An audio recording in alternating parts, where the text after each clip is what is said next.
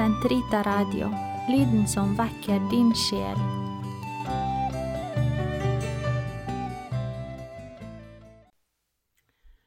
Den katolske kirkes katekisme, uke 52, fredag 1684 til 1690.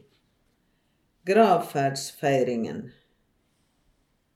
Kristen gravferd meddeler den døde verken sakrament eller sakramentalium, for han er godt hinsides den sakramentale økonomi. Allikevel er den en kirkelig og liturgisk feiring. Kirkens tjeneste utføres med det for øye, både å uttrykke virksomt samfunn med den avdøde, og å gi gravfølget del i det, og å forkynne for sørgeskaren det evige liv. De ulike gravferdsriter uttrykker den kristne døds påskepreg, alt etter forholdene og skikkene i hver region, også når det gjelder den liturgiske farge.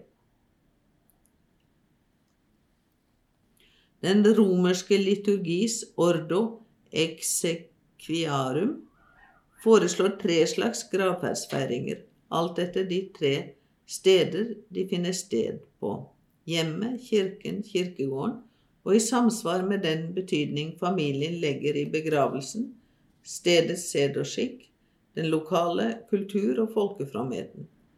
Følgende forløp er for øvrig felles for alle liturgiske tradisjoner og innebærer fire hovedmomenter. Forsamlingen hilses velkommen. Feiringen begynner med en troshilsen.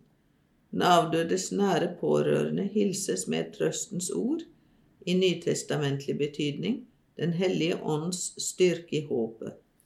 Forsamlingen samlet i bønn venter seg også det evige livs ord.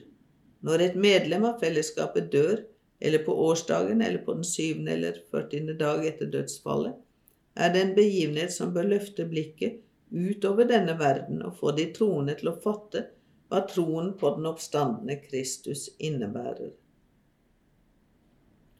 Ordets liturgi ved begravelse krever en særskilt grundig forberedelse, ettersom det i gravfølget kan befinne seg troende som sjelden tar del i liturgien, og venner av den avdøde som ikke er kristne.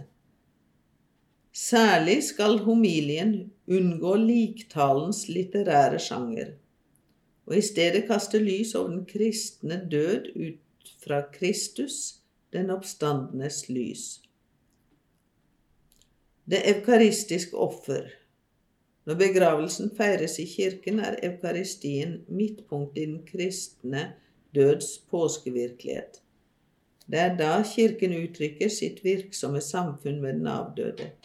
I Den hellige ånd bærer den frem for Faderen Kristi døds og oppstandelses offer, og ber om at hans barn må bli renset for sine synder og for følgene av dem, og bli tatt imot i påskefylden ved bordet i Guds rike. Slik feiret er det gjennom eukaristien at de troendes forsamling, særlig den avdødes familie, lærer å leve i samfunn med den som er sovnet inn i Herren ved å motta Kristi legeme som han er et levende lem på, og ved etterpå be for ham og sammen med ham. Kirkens farvel med den avdøde er å anbefale hans sjel til Gud.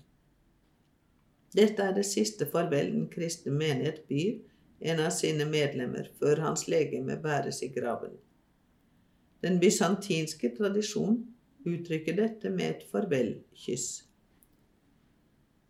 Ved denne siste hilsen synger vi for hans bortgang fra dette liv og for hans adskillelse, men også fordi det finnes samfunn og gjenforening til. Er vi enn døde, er vi ingenlunde skilt fra hverandre, for vi går alle den samme vei og møtes igjen på det samme sted. Aldri skal vi skilles ad. For vi lever for Kristus, og nå er vi ett i Kristus, på vei mot ham. Og alle skal vi være sammen i Kristus.